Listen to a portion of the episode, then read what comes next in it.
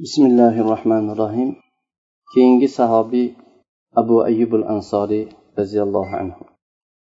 Abu ayyub bu kishini kunyalari ya'ni ayyubni otasi degan kunyalar kishi ansoriy o'zlarining nomlari xolid ibn zayd xolid ibn zayd najjoriy bani najjor qabilasidan bu kishi istanbul konstantiniyani eski qal'asi devorlari oldiga dafn qilingan sahoba. Bu ulug' sahobiy xolid ibn zayd ibn kulayb deb chaqiriladilar bani najjor qabilasida kunyalari abu ayyub ammo u kishini ansorlarga nisbatlanadi ansoriy ya'ni madina xalqidan. Musulmonlardan abu ayyubul ansoriyni tanimaydigan kishilar juda oz bo'lsa kerak. Hammamiz eshitganmiz. Abu ayyubul ansoriy esa rasululloh sollallohu alayhi vasallam hijrat qilib borganlarida uylaridan joy bergan birinchi madinada joy bergan kishi. Alloh subhanava taolo abu ayibul ansoriyni zikrini mashriqu mag'rubda yuqori qildi. Butun xalqlar ichida musulmonlarni uylarini ichidan hamma musulmonlar qolib bu kishini uyini nabiy sollallohu alayhi vasallamga joy qilishlikka tanlagan vaqtda rasululloh sollallohu alayhi vasallam madinaga muhojir bo'lib borganlarida bu kishini uyiga tushib joylashishliklari bu o'zi abu ayyubul ansoriyni faxrlanishiga bu kishining sharafiga shu yetardi. Rasululloh sollallohu alayhi vasallam abu ayyubul ansoriyni uylariga tushishliklarini bir qissasi bor. Uni takror qilishlik uni qaytarishlik hammamiz bilsak ham bu yana bir halovatlik bir shira lazzatlikdir. Nabiy sollallohu alayhi vasallam madinaga yetgan vaqtlar vaqtlarida butun madina ahlining qalbi ahli madina ansorlar qalblari bu kelguvchiga bu tashrif buyuruvchiga uchrashishlikka nihoyatda katta bir intilish bilan ishtiyoq bilan hammalari ya'ni rasululloh sollallohu alayhi vasallamga uchrashishga chiqqan edilar. Ko'zlari bir do'stni samimiy bir do'stni do'stga qaragan kabi butun ansorlar ko'zlari rasululloh sollallohu alayhi vasallamga boqardi. Ular qalblarini rasululloh sollallohu alayhi vasallamga qalblarini eng to'ridan joy olishlikka qalblarini ochgan edilar. Va rasululloh sollallohu alayhi vasallam eng izzatli bir o'rinda bo'lishlik uchun uylarini eshigini ham ochgan edilar. Lekin rasululloh sollallohu alayhi vasallam quboda madinani bir chekkasida to'rt kun u yerda turdilar. Keyin u yerda e, taqvoga taqvo asosiga qurilgan birinchi masjid qubo masjidini shu to'rt kunni ichida qurib keyin u yerdan tuyalariga minib chiqib ketdilar. Butun madinadagi yasrib sayyidlari bu tuyani oldida turib olib har bir kishi rasululloh sollallohu alayhi vasallam uyiga uni uyiga tushib u yerda turishliklari sharafiga erishishlikni xohlab tuya yo'liga chiqaradi. Ya'ni bir sayyiddan keyin bir sayyid madinadagi shu kattalar boshlar bir sayyiddan keyin yana keyingi sayyid tuyani jilovini ushlardi.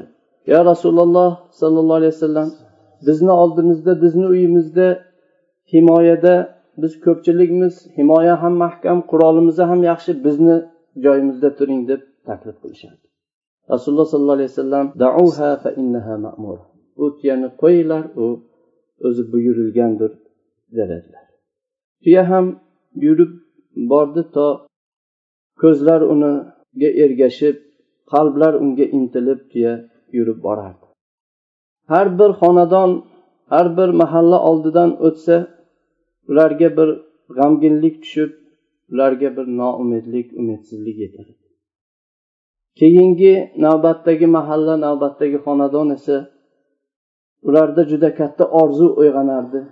O'tdilar biznikiga tushsalar kerak deb. Ular shunday katta bir zavq bilan e, xursand bo'lishadi.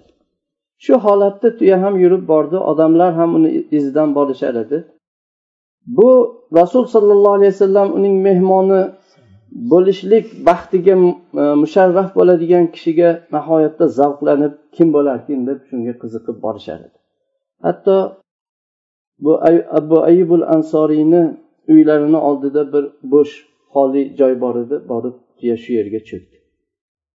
Lekin rasululloh sollallohu alayhi vasallam tuyadan tushmadi. Ko'p o'tmay tuya sakrab yana turdida ozgina yurib ketdi. Rasululloh sollallohu alayhi vasallam uni butun ixtiyorini tuyaga qo'yib nimasini ham o'ziga tashlab qo'ydi.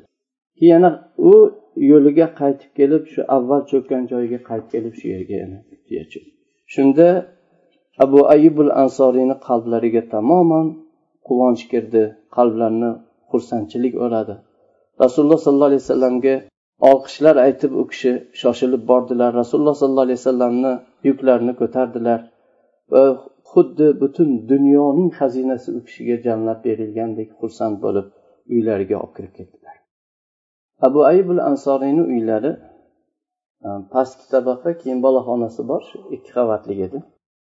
Yuqoridagi xonani bo'shatdilar.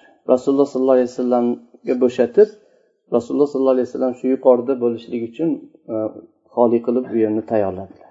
Lekin payg'ambar sallallohu alayhi vasallam pastki tabaqada bo'lishlikni afzal ko'rdilar. Abu ayibul ansoriy ham rasululloh sollallohu alayhi vasallamni buyruqlariga bo'ysunib xo'p dedilar qayerni xohlasangiz shu yerda turing deb shu rasul sollallohu alayhi vasallam pastki tabaqada qoldilar.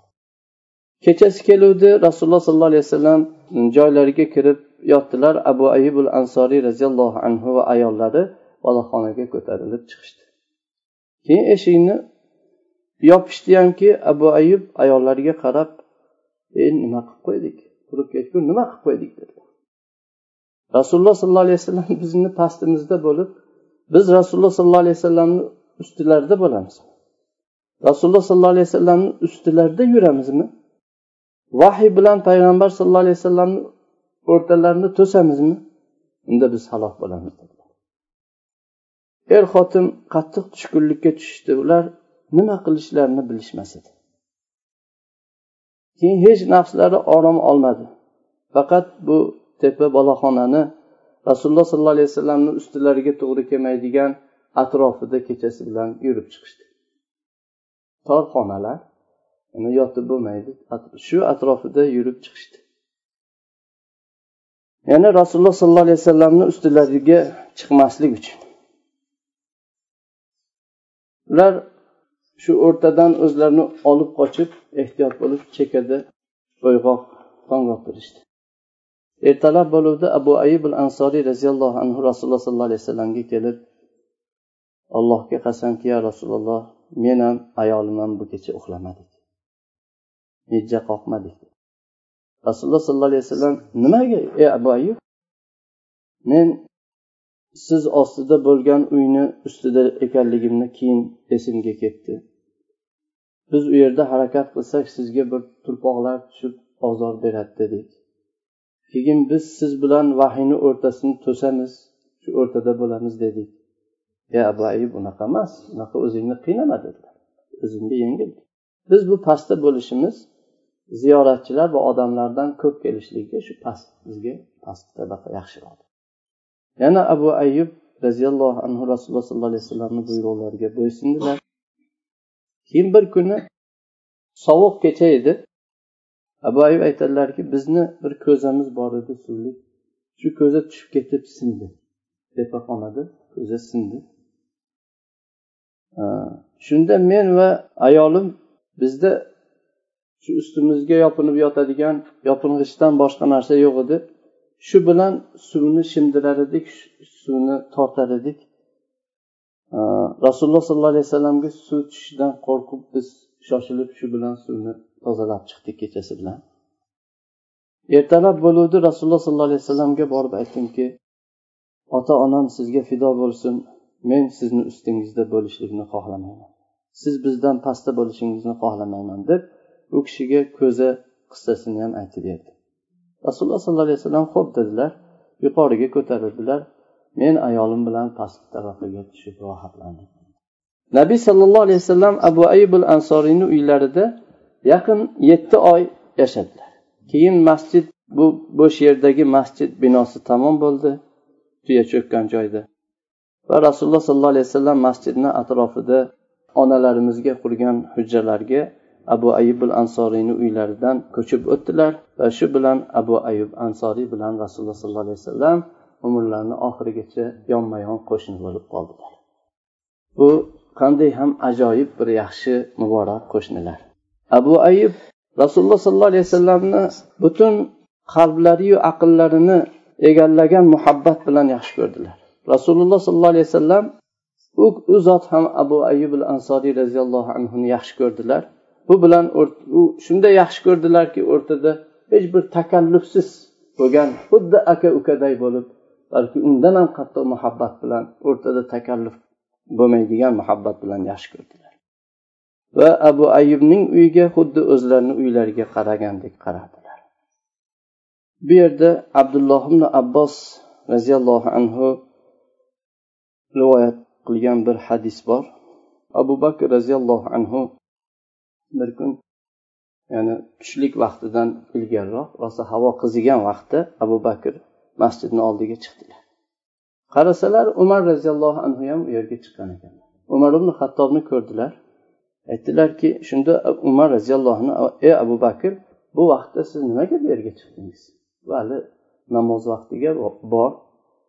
Ehm, bu yerga keladigan vaqt emas nimaga keldingiz? Abu bakr aytdilarki men o'zimda topgan shu ochlikni shiddatidan chidolmasdan chiqdim dedilar. Umar roziyallohu anhu allohga qasamki meni ham chiqargan narsa boshqa sabab emas dedilar. Men ham shuning uchun ochlikka chidolmay chiqdim deb turuvdilar. Rasululloh sollallohu alayhi vasallam chiqib qoldilar. Aytdilarki siz ikkalangiz bu vaqtda nima qilib yuribsizlar? bu yerda. Ikkalalari ham bizni yo rasululloh shu ochlikni shiddatidan qornimizda topgan shu og'riqdan chidolmay shu yerga chiqdik dedi. Rasululloh sollallohu alayhi vasallam nafsim qo'lida bo'lgan zotga qasamki meni ham bu vaqtda chiqargan narsa shundan boshqa narsa emas men ham shunday och qolib chiqdim. Men bilan birga yuringlar dedilar. Ketishdi. Abu ayibul ansoriyni e, eshiklariga yetib borib bordilar. Abu ayibul ansoriyni odatlari har kuni rasululloh sollallohu alayhi vasallamga deb taom olib qo'yardilar tushlik vaqtida. Agar rasululloh sollallohu alayhi vasallam kelmasalar shu ahllariga berib yuborardilar. Eshikka yetgan vaqtlarida abu ayibul ansoriyni ayollari chiqdilar. Ollohni payg'ambariga va u kishi bilan birga kelgan kishilarga marhabo dedilar. Nabiy sallallohu alayhi vasallam abu ayib yo'qmi? U kishi qayerda? deb so'radilar. Abu ayibul ansoriy nabiy sallallohu alayhi vasallamni ovozlarini eshitdilar. Shu uylarni yaqinidagi xurmozorni soyasida ishlardilar. Keyin shoshilib keldilar. Rasululloh sollallohu alayhi vasallamga u kishi bilan birga kelganlarga marhabo deb kelib keyin aytdilarki ya rasululloh siz bu vaqtda kelmasdingiz nima bo'ldi?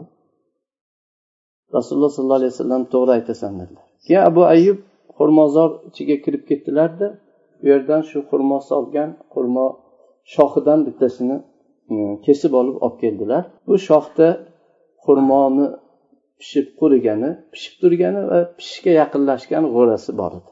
Uch xil xurmo bor edi. Rasululloh sollallohu alayhi vasallam buni kesmasang bo'lardi bizga shu qurigan xurmosidan ozgina terib kelsang bo'lardi dedilar. Aytdilarki ya rasululloh siz ham quriganidan ham bu pishib turganidan ham g'o'rasidan yeyishingizni yaxshi ko'rdim dedi. Hozir bir narsa so'yaman dedilar. Shunda rasululloh sollallohu alayhi vasallam agar so'ysang sut beradiganini so'yma dedilar. Abu ayub al ansoriy bir qo'zichoqni olib so'ydilar. Keyin ayollariga sen xamir qilgin non yop dedilar. Keyin bu qo'zichoqni yarmini olib pishirdilar. Qolgan yarmini qovurib yana kabob qildilar. Taom tayyor bo'lgan vaqtda nabiy sallallohu alayhi vasallam va bu ikki sahobiyni oldilariga taom qo'yilganda rasululloh sollallohu alayhi vasallam bu go'shtdan ozgina bir bo'lagini olib bir nonni ustiga qo'yib ey abu ayub buni bu bo'lakni fotimaga olib boring. Bir necha kundan beri u kishi ham hech narsa yemagan deb qizlariga jo'natdilar. Va rasululloh sollallohu alayhi vasallam bu e, sahobalar buni yeb to'yganlarida nabiy sallallohu alayhi vasallam aytdilarki خبز ولحم وتمر وبسر ورطب non go'sht quruq xurmo pishgan xurmo xurmoni bu g'o'rasi dedilar pishishga yaqinlashgani deb hammasini sanab keyin ko'zlaridan yosh oqdi keyin aytdilarki nafsim qo'lida bo'lgan zotga ya'ni allohga qasamki bu qiyomat kunida sizlar so'raladigan ne'mat shulardir dedilar yana shunday och ochlikdan mashaqqat bilan e, chiqqanlar. Ya'ni qiyomat kunida ne'matlar haqida so'ralasizlar degan oyatga. Mana qiyomat kunida sizlar so'raladigan ne'matlar bu dedilar. Agar shunga o'xshagan ne'matlarga e, yetishsanglar va unga qo'l e, uzatadigan bo'lsanglar bismillah deylar. To'ygandan keyin alhamdulillahi ashba'ana va an'ama alayna fa afdal. Bizni to'ydirgan bizga bu ne'matlarni berib shunday saxovat qilgan allohga hamd bo'lsin deb hamd aytinglar dedilar. Keyin rasululloh sollallohu alayhi vasallam turib ketdilar. Abu ayyubil ansoriyga ertaga meni oldimga kel dedilar. Rasululloh sollallohu alayhi vasallam odatlari bir kishi bir yaxshilik qilsa shu yaxshilikka yarasha u kishi bir javoban bir yaxshilik qilib qo'yadi lekin abu ayibul ansoriy bu rasululloh sollallohu alayhi vasallamni so'zlarini eshitmagan edilar. Umar ibn hattob u kishiga qarab ey abu ayyub rasululloh sollallohu alayhi vasallam seni ertaga oldimga kel deb buyuryaptilar dedilar. Shunda abu ayyub bo'pti yo rasululloh kelaman dedilar. Ertasiga abu ayyub payg'ambar sallallohu alayhi vasallamni oldilariga boruvdilar. Rasululloh sollallohu alayhi vasallamga shu xizmatlarda bo'lgan bir yosh qizcha bor edi shuni abu ayyubga berdilar. Aytdilarki bunga yaxshi muomala qil ey abu ayyub dedilar. Ya'ni yaxshi muomala qil unga dedilar biz bu qizchadan faqat yaxshilikni bizni oldimizda ekan yaxshilikni ko'rdik dedilar abu ayub bu qizcha bilan uylariga qaytib ketdilar. Ayollari buni ko'rib ey abu ayub bu kimga? dedilar. Buni rasululloh sollallohu alayhi vasallam bizga berdilar. Keyin bu e, inom qilguvchi qanday ulug' zot inom qilgan narsalari qanday ulug' bir ne'mat dedilar. Keyin abu ayub aytdilarki bu qizga yaxshilik qilishlikka rasululloh sollallohu alayhi vasallam bizni vasiyat qildilar dedilar. Biz rasululloh sollallohu alayhi vasallamni bu vasiyatlarni ijro qilishimiz uchun nima qilishimiz kerak dedilar. Aytdilarki men rasululloh sollallohu alayhi vasallamni vasiyatlarini bu qizchani ozod qilishlikdan ko'ra yaxshiroq o'rniga qo'yish bo'lgan boshqa narsani bilmayman dedilar. To'g'ri aytasiz sizga olloh tavfiq bergan kishisiz. Dedilar abu ayub bu qizchani ozod qildilar. Bu abu ayubul ansoriyni tinchlik hayotdagi odatiy kunlik hayotdagi e, hayotlarni surati ko'rinishi bunday edi. Agar sizga u kishini jangdagi hayotlarni suratdan ba'zilarini sizga aytib berilsa xabardor bo'lsangiz juda ajoyib ishlarni ko'rasiz. Abu ayubul ansoriy hayotlari davomida faqat shu janglarda jihodlarni hammasida to o'lgungacha hech bir jihoddan qolmay yashadilar. U kishi musulmonlar kirgan hech bir rasul sollallohu alayhi vasallamni davrlaridan boshlab to muoviya roziyallohu anhuning vaqtlarigacha hech bir jangdan qolmadilar. Faqat bir vaqtda ikkita jang bo'lib qolsa bir jang bilan mashg'ul bo'lsa u jangdan qolib ketganlar. Shunday deyishadi tarixchilar. Ya'ni hech bir g'azotdan jangdan qolmasdan u kishi qatnashib keldi. U kishini oxirgi janglari muoviya roziyallohu anhu o'zlarini o'g'illari yazid e, yetakchiliklarida qustantaniyani shu hozirgi istanbul eski qustantaniya shuni fath qilishlik uchun askar tayyorlardilar. Bu vaqtda abu ayubul ansoriy juda yoshlari keksayib qolgan qari edilar. Ya'ni umrlarini shu sakson yoshiga to'lay deb qoluvdilar saksonga kirib qolgan lekin bu yoshda bo'lishliklari u kishini yazidning bayrog'i ostida jamlanib olloh yo'lida bu dengizlar to'lqinlarini kezib o'tishlikdan man qilmas. U kishi shu jangga qarab ketdilar. Ya'ni yazid qo'shinlari ichida. Lekin bunga ko'p ham o'tmadi. Dushmanga jang dushman jangiga qarab ketishiga ko'p o'tmadi. Abu ayibul ansoriy kasal bo'lib qoldilar. Bu jangni davom ettirishlikdan u kishi to'xtadi. Shunda yazid u kishini ziyorat qilishlik uchun kelgan edi. Ey abu ayub rasululloh sollallohu alayhi vasallamni sahobalari hech bir hojatingiz bormi? dedi. Shunda mendan musulmonlar askarlariga salom ayt dedilar. Keyin ularga aytginki abu ayub sizlarga dushman yerida dushmanga nihoyatda qattiq hujum qilib shu oxirigacha boringlar. Deb vasiyat qilyapti degin keyin meni ham o'zlari bilan birga ko'tarib shu janglarda ko'tarib ketsin. Keyin shu qustantaniya devorlariga yetganinglarda shu yo'linglarga oyog'inglarni ostiga meni ko'mib o'sha yerlarga va shu gaplarni aytib jonlari uzildi musulmonlar askarlari rasululloh sollallohu alayhi vasallamning bu sahobalarning vasiyatlarini ular xo'p dedilar. Dushmanga ustma ust hujum qildilar uzoq jang qildilar. Hatto shu qo'stantiniya devorlarigacha yetib bordilar yelkalarida abu ayibul ansoriyni ko'tarib o'sha yerda keyin abu ayibul ansoriyga qabr qazib shu yerga dafn qildi. Alloh taolo abu ayibul ansoriyni rahm qilsin rahmatiga olsin. U kishi butun olloh yo'lida g'azotda yurgan otlar ustida vafot etishlikdan boshqasiga jangda yurib vafot etaman degan niyat shunda yoshlari sakson yoshda edilar. Alloh subhanava taolo u kishidan u zotlar bilan birga bo'lgan sahobiylardan alloh rozi bo'lsin va ularni alloh taolo o'zi rozi qilsin.